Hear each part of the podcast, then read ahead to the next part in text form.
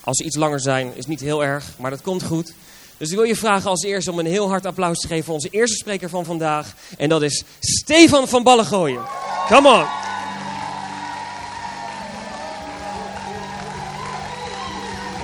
Come on! Hey. Oké jongen. Take all yours.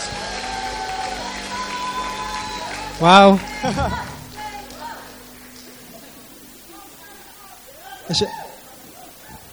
Ja, jullie mogen lekker gaan zitten. Normaal als eh, Henkie zou staan, dan zou hij zeggen, hier zitten mijn fans. Maar op dit moment heb ik het gevoel dat iedereen mijn fan is. Dus ik, eh, ik voel me in ieder geval eh, enorm hartelijk onthaald. En ja, het is jammer dat mijn allergrootste fan, en dat is toch vaak wel Henk, helaas vandaag niet aanwezig is. Die heeft helaas buikgriep, maar... ja, kijk dan eventjes naar de camera. Ik mag dat nu eindelijk een keer doen. En zeggen, Henk, ik weet dat je meekijkt via de livestream. En op dit moment bidden we ook in Jezus' naam dat je genezing mag ontvangen van je buikgriep. En dat je hier volgende week in Jezus' naam weer mag staan. Fantastisch om, eh, om hier te mogen staan. En het, eh, ik vind het ook een hele eer. En ik wil eh, Daniel en Wendy ook hartelijk danken dat ze mij deze kans bieden om een woord te brengen voor jullie. En ja, de zaal zit vol en ik weet dat er heel veel mensen ook via de livestream vanaf vakantieadressen meekijken. Nicolette en Rick zag ik mooi achter het zwembad klaarzitten om eh, de livestream te kijken. Nou, ik hoop dat ze dan ook eh, enthousiast worden en niet in het zwembad gaan liggen straks omdat, het, omdat ze er niks aan vinden. Voor de mensen die mij nog niet kennen, ik ben eh, Steven van Ballengooien. En ik ga geen uitgebreide introductie doen, want ik zie hier op de klok en ik, heb, ik wist niet dat die klok hier stond, maar ik zie dat die afloopt en dat ik inmiddels nog maar eh, zes minuten heb. Dus ik, eh, ik ga gelijk eh, met jullie van start. En dan ben ik ook wel benieuwd of er iemand enthousiast is voor een, een Word of Fire. Kijk, heel goed. Hey, ik heb, verschijnt zo op de achtergrond een afbeelding, een foto, als het goed is. Kijk, dat is de afbeelding. Hier zit een verhaal aan vast. Twee maanden geleden zijn Fario en ik op huwelijksreis geweest naar Indonesië. En in een van de hotels waarin we zaten, daar hadden ze smiddags afternoon tea. En we kregen daar, daar kreeg je een kopje thee en daar serveerden ze bij een Indonesische lekkernij. Een van die lekkernijen was bubur injin. En dat is het gerecht wat je achter me ziet. Nou, ik weet niet hoe het met jou zit, maar toen ik dit geserveerd kreeg, toen werd ik niet heel enthousiast. Toen dacht ik niet van, oh, dat wil ik proeven. Nee, ik dacht, mijn maag draaide wel een klein beetje om. Maar de ober die zei van, no, try it, try it. En avontuurlijk dat ik dan ook wel weer ben, besloot ik dus om een hapje te proeven. En serieus, toen ik het proefde, dacht ik, wauw, dit wil ik de rest van de vakantie ook blijven proeven. Dus Fariel kan het beamen. Ik heb het ook telkens naar gezocht of het ook ergens was. Het was heerlijk. En je zult misschien denken, Stefan, ik ben hier gekomen voor eh, zeven minuten eh, preken, waarin toch in ieder geval minimaal tien bijbelteksten naar voren kwamen. Nou, ik ga wel mijn best doen om eh, een bijbeltekst naar voren te brengen. En dat is Johannes 1, vers 45 tot 50. En ik heb geen tijd om de hele context te schetsen van dit verhaal. Maar wat hier gebeurt is, Filippus, een van de discipelen van Jezus, die loopt rond en die ziet Nathanael. En hij loopt naar Nathanael toe en hij zegt, Nathanael, ik heb, ik heb Jezus gevonden, degene waar eh, Mozes en de profeten al over schreven. Je moet hem echt ontmoeten. Waarop Nathanael zei, Jezus, Jezus, is dat die, is die, is dat die gast uit Nazareth? Bah, daar kan helemaal niks goeds vandaan komen uit Nazareth. En ik kan me de teleurstelling voorstellen bij Filippus, die toch vol enthousiasme naar Nathanael toe was gegaan. Maar ik vond het goed. Hij zei tegen Nathanael, daar is Jezus. Ga maar even naar hem toe. En dan gebeurt er iets bijzonders. En dat stuk wil ik even met jullie lezen. En hij verschijnt ook achter op het scherm. En ik heb hem hier, volgens mij is dit eh, oh ja, de basisbijbel, maar ik heb hem hier in eh, de MWV-vertaling. En daar staat vanaf 6, vers 47. Jezus zag Nathanael aankomen en die zei, dat is nu een echte Israëliet. Een mens zonder bedrog. Waar kent u mij van? vroeg Nathanael. Jezus antwoordde, ik had je al gezien voordat Filippus je riep, toen je onder de vijgenboom zat. Rabbi, u bent de zoon van God. U bent de koning van Israël, zei Nathanael. Zie je wat hier gebeurt? Zie je het parallel tussen mijn verhaal en het verhaal van Nathanael? In het eerste verhaal dat ik vertelde, ik zag die boeboer in jean. Ik zag het. En ik dacht, ah, smerig. Maar toen ik het proefde, was het heerlijk. Nathanael, vooraf, zag hij Jezus en dacht, oh, dat is die gast uit Nazareth, daar moet ik helemaal niks van hebben. Maar toen hij proefde van Jezus, veranderde dat zijn blik. En het was niks groots dat Jezus deed. Jezus deed geen genezing. Nee, hij zei, ik zag je al zitten onder de vijgenboom. Helemaal niks groots. Hij liet Nathanael proeven van wie hij was. En op het moment dat je nu aantekeningen maakt, wil ik dat je opschrijft. Op het moment dat je iets proeft, verandert dat de manier waarop je ernaar kijkt. En ik zal hem nog één keer herhalen. Op het moment dat je iets proeft, verandert dat de manier waarop je ernaar kijkt. Weet je, er zijn zoveel mensen in deze wereld. En als ik om me heen kijk, zijn het al zo ontzettend veel. Dat op het moment dat je zegt dat je christen bent, ha, dan lopen de rillingen over hun lijf. Dan zeggen ze, oh, dan ben je zeker ook zo eentje die uh, iedereen veroordeelt. Maar dan hebben ze mijn Jezus nog niet leren kennen. Want mijn Jezus is niet diegene die al gelijk bij de eerste ontmoeting staat te prediken. Oh, je bent een overtreding, je bent een zondaar, et cetera. Dat is niet mijn Jezus. En weet je, het is aan ons en aan jou om mensen kennis te laten maken met wie Jezus echt is. De mensen om ons heen kennis te laten maken van wie Jezus echt is. En een mooi voorbeeld daarvan vond ik gisteren tijdens de summer party. Alaine die was onderweg naar de summer party. En onderweg dat ze er naartoe was, kwam ze iemand tegen en die vroeg van... Ja, what's happening there? Wat, uh, vertel eens, is er een uh, feestje gaande? En ze zei, ja, dat is een summer party van de kerk. En ze vroeg, oh, dan kom je toch, dan, dan join je ons toch? Dan ga je toch mee? En dat meisje ging mee. En ze danste mee, ze at lekker van het eten. En gisteravond kreeg ik van dat meisje ook nog een appje. Ik heb echt een geweldige dag gehad. Weet je, en het gaat hier niet om dat dit al een christelijk meisje was. Nee, dit meisje vertelde, ik ben op vakantie, ik kom uit Dubai en ik ben moslim. Maar zij heeft geproefd van wie Jezus werkelijk is.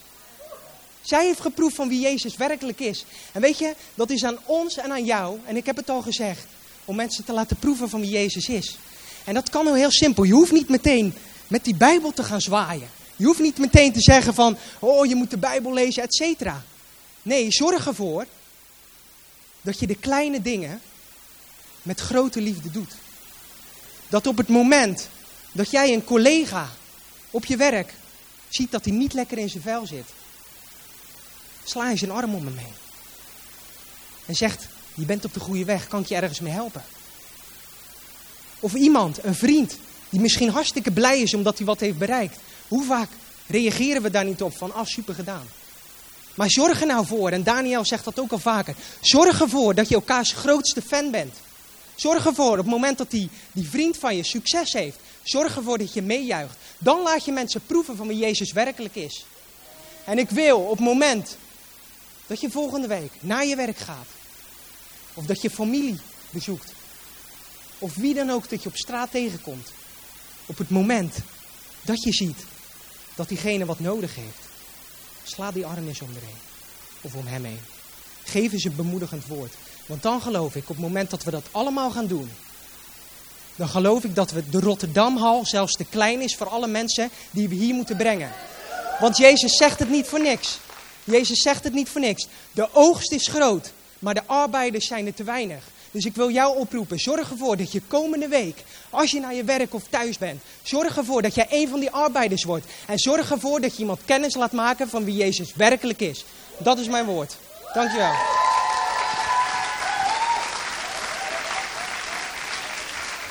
Wauw. Thanks man. Dat was Seven Minutes of Fire. Hey, ik wil je vragen om uh, je klaar te maken en net zo'n hart welkom te geven aan onze volgende spreekster. En dat is, nou ben ik je achternaam kwijt. Oh ja, en dat is, ja ik ken alleen je, je sorry, je meisjes achternaam nog. Nee. En dat is onze volgende spreekster is, laten we haar heel hartelijk welkom heten, dat is Linda Westdijk. Come on.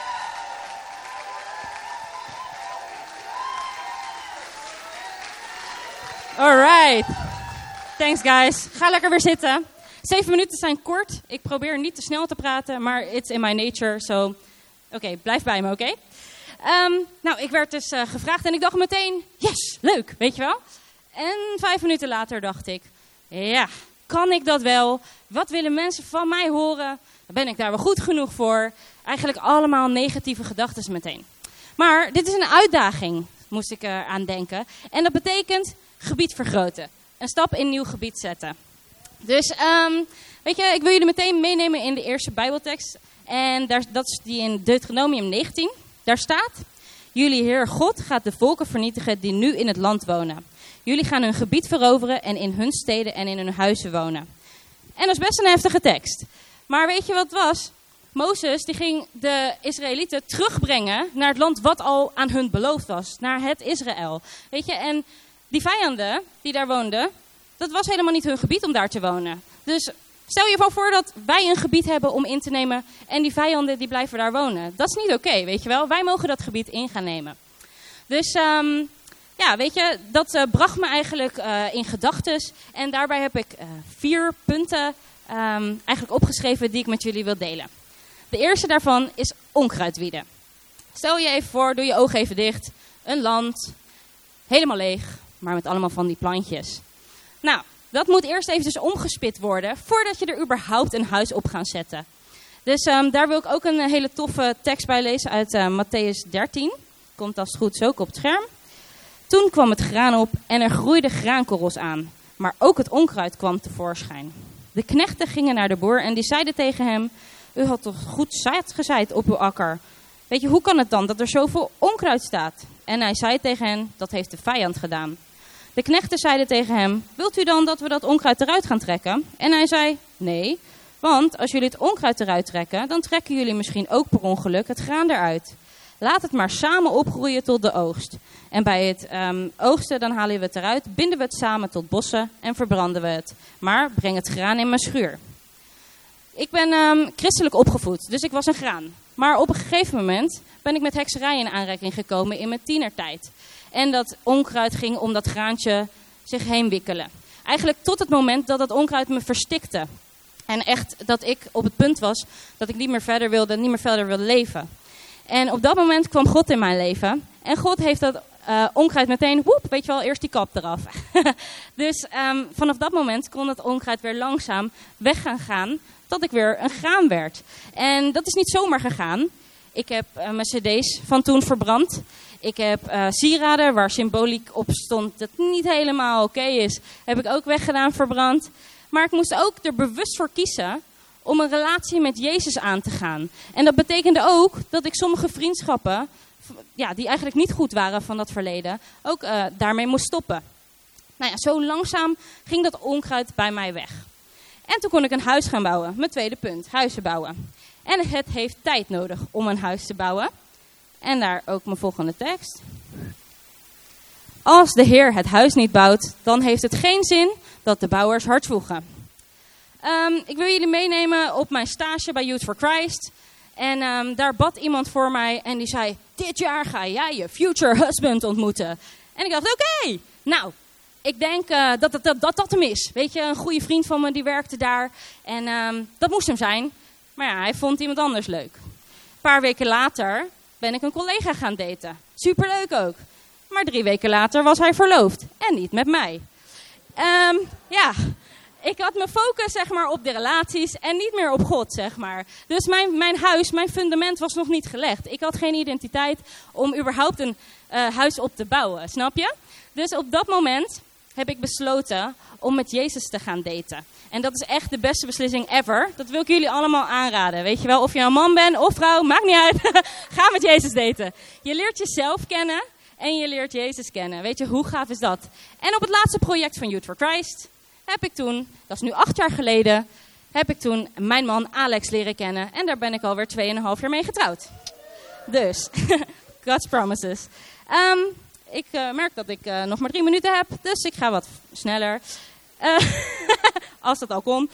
Goed, derde punt. Intrekken in een gemeubileerd huis. Soms is het namelijk zo, net als nu, tenminste zo voel ik dat, dat je een gebied krijgt waar al een huis op staat en wat al gemeubileerd is. Maar ja, je moet wel een beetje je eigen sfeer erin gooien. Een beetje comfortabel in dat huis worden. Ook al is het all-inclusive. Dus um, nou ja, toen ik bijvoorbeeld in uh, City Life Church Den Haag kwam, ben ik begonnen in het koor. Al heel snel heb ik daar theater gedaan. Maar in Rotterdam ja, moest ik dat echt loslaten. Want theater daar, ja, we waren met nog een beetje te weinig. Dus dat is nu alleen voor de events. Ehm, maar ik vroeg zo aan mijn leiders, oké, wat kan ik doen voor jullie? Een goede mindset, toch? Denk je? Ehm, nou, toen vroegen ze me, zou je misschien het cateringteam willen gaan leiden? En mijn eerste gedachten waren, dat is niet helemaal het gebied wat ik voor ogen had. Maar al snel zei iemand tegen mij, also known as Jesus, weet je, dit ga jij ownen. Jij gaat het niet voor jezelf doen, jij gaat het voor mij doen. En op dat moment heb ik daar zoveel plezier in gehad, dat ik nu nog steeds in de catering werk als mijn baan, zeg maar. Dus hoe grappig is dat? En weet je, nieuwe leiders zoals Miggy zijn opgestaan in het cateringteam. En um, ik ben uiteindelijk gevraagd om auditie voor worship te doen. En daar heb ik nog steeds heel veel gebied wat ik mag um, ja, verkennen, zeg maar. En um, het is niet per se de verantwoordelijkheid van je leiders om jou een gebied te geven. Weet je, jij kan ook zelf je housewarming geven. Dat brengt me tot het laatste punt. Niet housewarming, maar de buurt verkennen. Um, weet je, word eerst comfortabel uh, in je gebied waar je gaat wonen. Ga uh, weet je, de buren leren kennen, vrijwilligers doen in de, werk doen in de buurt, zodat je daar comfortabel wordt, een beetje de mensen leert kennen. Dat kan namelijk ook hier in de kerk. Ik heb zoveel geleerd van het zijn in een connectgroep, van teams te joinen. Weet je, mijn geloof is gegroeid, mijn wijsheid is gegroeid. En niet alleen ik heb het ontvangen, maar ik kon het ook weer uitdelen, zodat andere mensen hun huis, zeg maar, mooier werd, om het maar zo te zeggen. Dus deel je leven. Laatste paar gedachten. Wees altijd bereid om anderen te helpen, als je het maar niet voor jezelf doet. Weet je, als um, je gebied hebt en je gaat het vergroten, dan is het gevaarlijk dat als je dat doet, dat je onder, onderweg de passie voor Jezus verliest. Dus hou altijd Jezus voor ogen, die, die uh, focus op Jezus. En het laatste wat ik wil zeggen is, het is heilige grond die wij gekregen hebben. Weet je, God heeft het al voor ons uh, in bezet genomen. Jezus heeft de weg vrijgemaakt, zodat wij in onze bestemming mogen wandelen. Dus weet je wel, pak het. En um, heb vertrouwen dat als God zegt wat hij wil gaan doen. Weet je, heb vrede als God iets zegt dat hij gaat doen, dat hij het ook echt zal gaan doen. That's it. Amen. Wauw, thanks Lynn. Heel mooi, wat een woord. Power. Hey, zijn jullie klaar voor het derde en het laatste Seven Minutes of Fire? Van uh, iemand die al volgens mij ruim een half jaar ook bij ons in het key-team zit. Ik wil je vragen om een heel hard, echt Rotterdam applaus voor Suheli.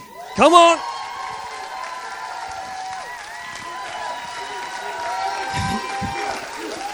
Yes, fire! Hallo allemaal. Oké, ik ga beginnen, want 7 minuten is echt kort. Um, um, toen ik werd gevraagd of ik vandaag iets wilde delen, uh, moest ik gelijk denken aan een uh, gesprek dat ik uh, misschien een jaar geleden met een dame had, die ik op dat moment niet kende. En het was echt heel bijzonder hoe God dat gesprek heeft geleid. Ik mocht mijn getuigenis met haar delen op dat moment. En het heeft haar zo geraakt. En later vertelde ze mij dat het echt healing voor, was, voor haar was op dat moment, zeg maar. En um, omdat ze door dezelfde dingen heen was gegaan, weet je. En um, ja, daarvoor vroeg ik me altijd af waarom bepaalde dingen in mijn leven was gebeurd. Weet je, waarom bepaalde dingen op een bepaalde manier zijn gegaan. Maar op dat moment werd het gewoon duidelijk voor mij dat God een purpose heeft met mijn verhaal. Dat God een doel heeft met alles wat er is gebeurd in mijn leven. Dat God mijn verhaal wil gebruiken om anderen te helpen. En ik geloof dat wij allemaal een verhaal hebben, een uniek verhaal die God wil gebruiken om anderen te helpen, om anderen dichter bij Hem te brengen. En uh, daarom wil ik vandaag hebben over the power of your story. En zoals ik net zei, wij hebben allemaal een verhaal, weet je. En het is belangrijk dat je jouw verhaal kent. Dat je um, jou, uh, kan vertellen wat God in jouw leven heeft gedaan. Want God wil dat gebruiken om anderen te helpen. En, uh, kijk dan. Ja, want jij bent door dingen heen gegaan en samen met God daaruit gekomen. En God wil dat gebruiken om hoop aan iemand anders te geven.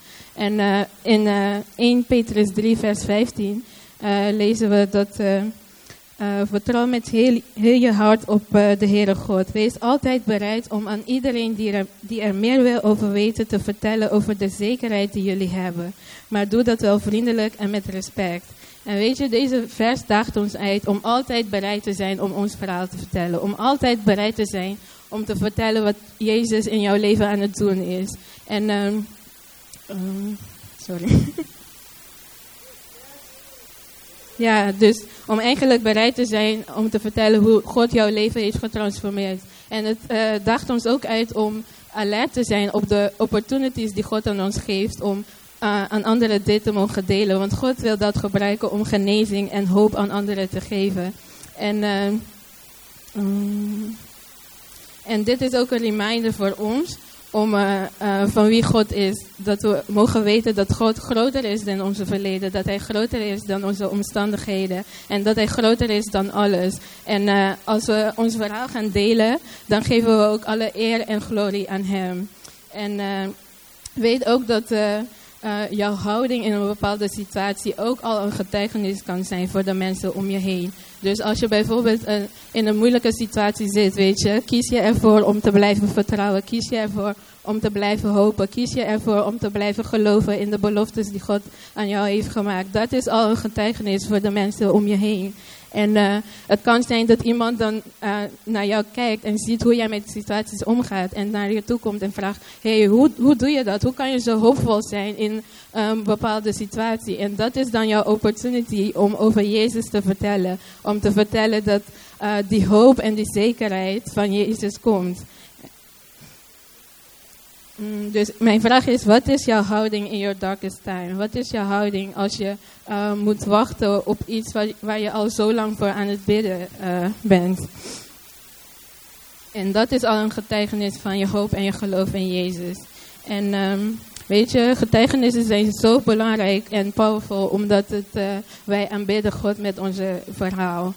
als we ons verhaal gaan delen, gaan we kijken wat, naar alles wat God in ons leven heeft gedaan. En dat geeft hem alle eer en glorie. Het uh, bemoedigt en het geeft hoop. Als we met elkaar gaan delen, bemoedigen we elkaar om niet uh, naar onze omstandigheden te kijken, maar op Jezus te blijven focussen. En uh, het laat ons geloof groeien. Want we zien wat God al heeft gedaan. We vieren dat.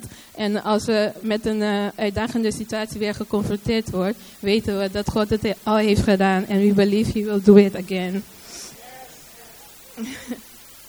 en uh, weet je, mijn verhaal is een verhaal van um, misbruik, van uh, eenzaamheid, van um, onzekerheid, van lack of identity.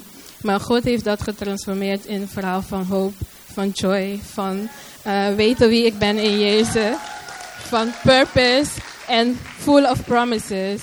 En um, dat is gewoon living proof, weet je. Ik ben gewoon living proof van uh, wat God kan doen. Dat hij gewoon leven kan brengen op plekken waar heel veel pijn, heel veel, hopeloosheid was. Dat hij gewoon nieuw leven kan inblazen op dat gebied. En dat wil hij ook voor jou doen. En uh, durf je het, zeg maar, om jouw story aan hem te vertrouwen en dit proces met hem aan te gaan. En weet vooral, at the end of the day, onze biggest testimony is dat we gered zijn door het bloed van Jezus. En dat, onze, dat we rechtvaardig zijn uh, door ons geloof. En God wil dit uh, zien in ons leven. God wil dat we een leven laten zien van zijn liefde, van zijn hoop, van zijn goedheid en van zijn genade. Dus ik wil afsluiten met een vraag aan jou van... How can your story be a blessing to others?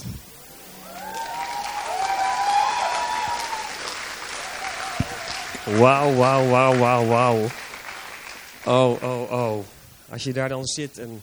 Dankjewel Stefan, Linda, Sue voor jullie uh, eerlijkheid en ook je kwetsbaarheid. Als je hier staat, weet je, en je durft hier te staan en je durft je verhaal te delen, weet je, dat is kwetsbaar. En uh, ik ben ontzettend trots dat jullie hebben gedaan. En ik weet zeker dat veel mensen hier, um, ja, dat God tegen jullie gesproken heeft. Dan valt tegen mij wel. En weet je, in voorbereiding op deze zondag. En we sluiten af. We gaan zo meteen door met uh, nog een heerlijk worship nummer. Ik wil vragen of het keyboard misschien alvast uh, kan begeleiden om de sfeer van de Heer te verhogen. Geintje. Maar wat ik bijzonder vind, en ik wil nog iets aan je meegeven, is het volgende. Weet je, als je hier naar luistert, dan denk je misschien, wauw, wat kunnen zij, wat kunnen ze dat goed vertellen? En wat is God toch bijzonder met hun bezig? Weet je, wat, um, ja, wat, wat, wat heeft God hun bijzonder aangeraakt? Of, nou goed, vul maar in. Maar weet je, het kan zijn dat je in je leven zoekt naar van, ik zou willen dat ik net zo vrijmoedig was als zij. Ik zou willen dat ik net zo makkelijk mijn verhaal kon vertellen zoals Stefan, Linda en Suheli hier staan. En weet je, de Bijbel leert ons in Efeze 5, als het gaat over de geestelijke wapenrusting, één heel belangrijk ding. En hij staat daar zo, en ik ga hem gewoon aan je voorlezen, want het zal een sleutel zijn voor jezelf om, het vorige week gehad hè, over de vakantie beter uitkomen. Je gaat de vakantie in, je gaat uitrusten, je gaat lekker eh, ontvangen ook van God. En uiteindelijk ga je de vakantie beter uitkomen. En deze zal je echt helpen. In Efeze 6, er staat over de geestelijke wapenrusting, die kan je lezen. Maar dan staat hier zo, ehm, even kijken hoor. De inzet van het evangelie van de vrede als sandalen aan uw voeten. De inzet, nog één keer hoor. De inzet voor het evangelie van de vrede als sandalen aan uw voeten. Dus vrijmoedigheid om te praten over wat God doet in jouw leven. Zoals Stefan, zo en Lin hebben gedaan. Dat is alsof je goede schoenen aan je voeten krijgt. En het vergelijk wat de Bijbel hier maakt, gaat over de, de sandalen die een soldaat in die tijd droeg. En een soldaat in die tijd, die droeg geen uh, patta's. Die droeg geen flipflops. Maar die droeg sandalen en schoenen met grote spijkers eronder. Om te zorgen dat hij stevig bleef staan. En dat is wat de Bijbel hier bedoelt.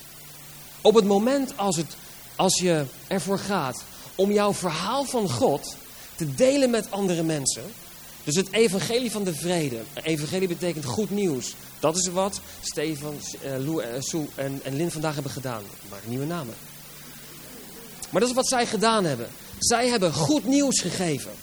En dat maakt dat het is alsof het in jouw geloofsleven gaat werken als stevige schoenen die maken dat je stevig staat. En hoeveel van ons maken niet mee dat op het moment als je op je werk bent, op de kerk is alles prima. Hier houdt iedereen van Jezus en uh, weet je, we van Jezus, alles gaat goed. Maar dan is het maandag. En dan kom je een collega weer tegen. Hé, wat heb jij van het weekend gedaan? Uh, jij eerst. Nou, dan komt het verhaal. Ik ben uh, naar de disco geweest. Ik heb leuke dingen gedaan. Vet uit geweest op, op vakantie, wat dan ook. En wat heb jij gedaan? Ik ja, had een chill zondag. Terwijl je weet dat je in de kerk bent geweest. Weet je, de uitdaging is om jouw verhaal klaar te maken om te kunnen delen met andere mensen. En nu kom ik naar mijn slotconclusie. Jouw verhaal kan alleen gebouwd worden op een openbaring die jij zelf krijgt van Jezus. Petrus was degene die zei tegen Jezus: Heer, ze zeggen dat je een profeet bent. Ze zeggen dat je Elia bent of Mozes bent of wat, ook, wat het ook was. En Jezus hoorde dat zo aan en toen zei hij: Ja, maar Petrus is mooi, maar wie zeg jij dat ik ben? En daarna zei hij: Jezus, u bent de Messias. U bent de Christus. Dat is wat Petrus zei. En toen zei Jezus, dat kan alleen God aan jou verteld hebben. Dat kan alleen God aan jou openbaard hebben. En deze openbaring, daarop bouwt Jezus verder. Aan zijn huis, in jouw geestelijk leven, in de, in de stevigheid, in het staan, in, in, in de strijd, in de geestelijke strijd die je soms meemaakt. En het kan zijn dat je hier bent en dat je zegt, hé hey Daan, allemaal mooi gezegd, maar ik heb die openbaring nog niet eerder gehad van Jezus. En ik wil je vragen om te gaan staan. En het kan zijn dat je misschien al heel lang gelooft. Misschien dat je al heel lang christen bent.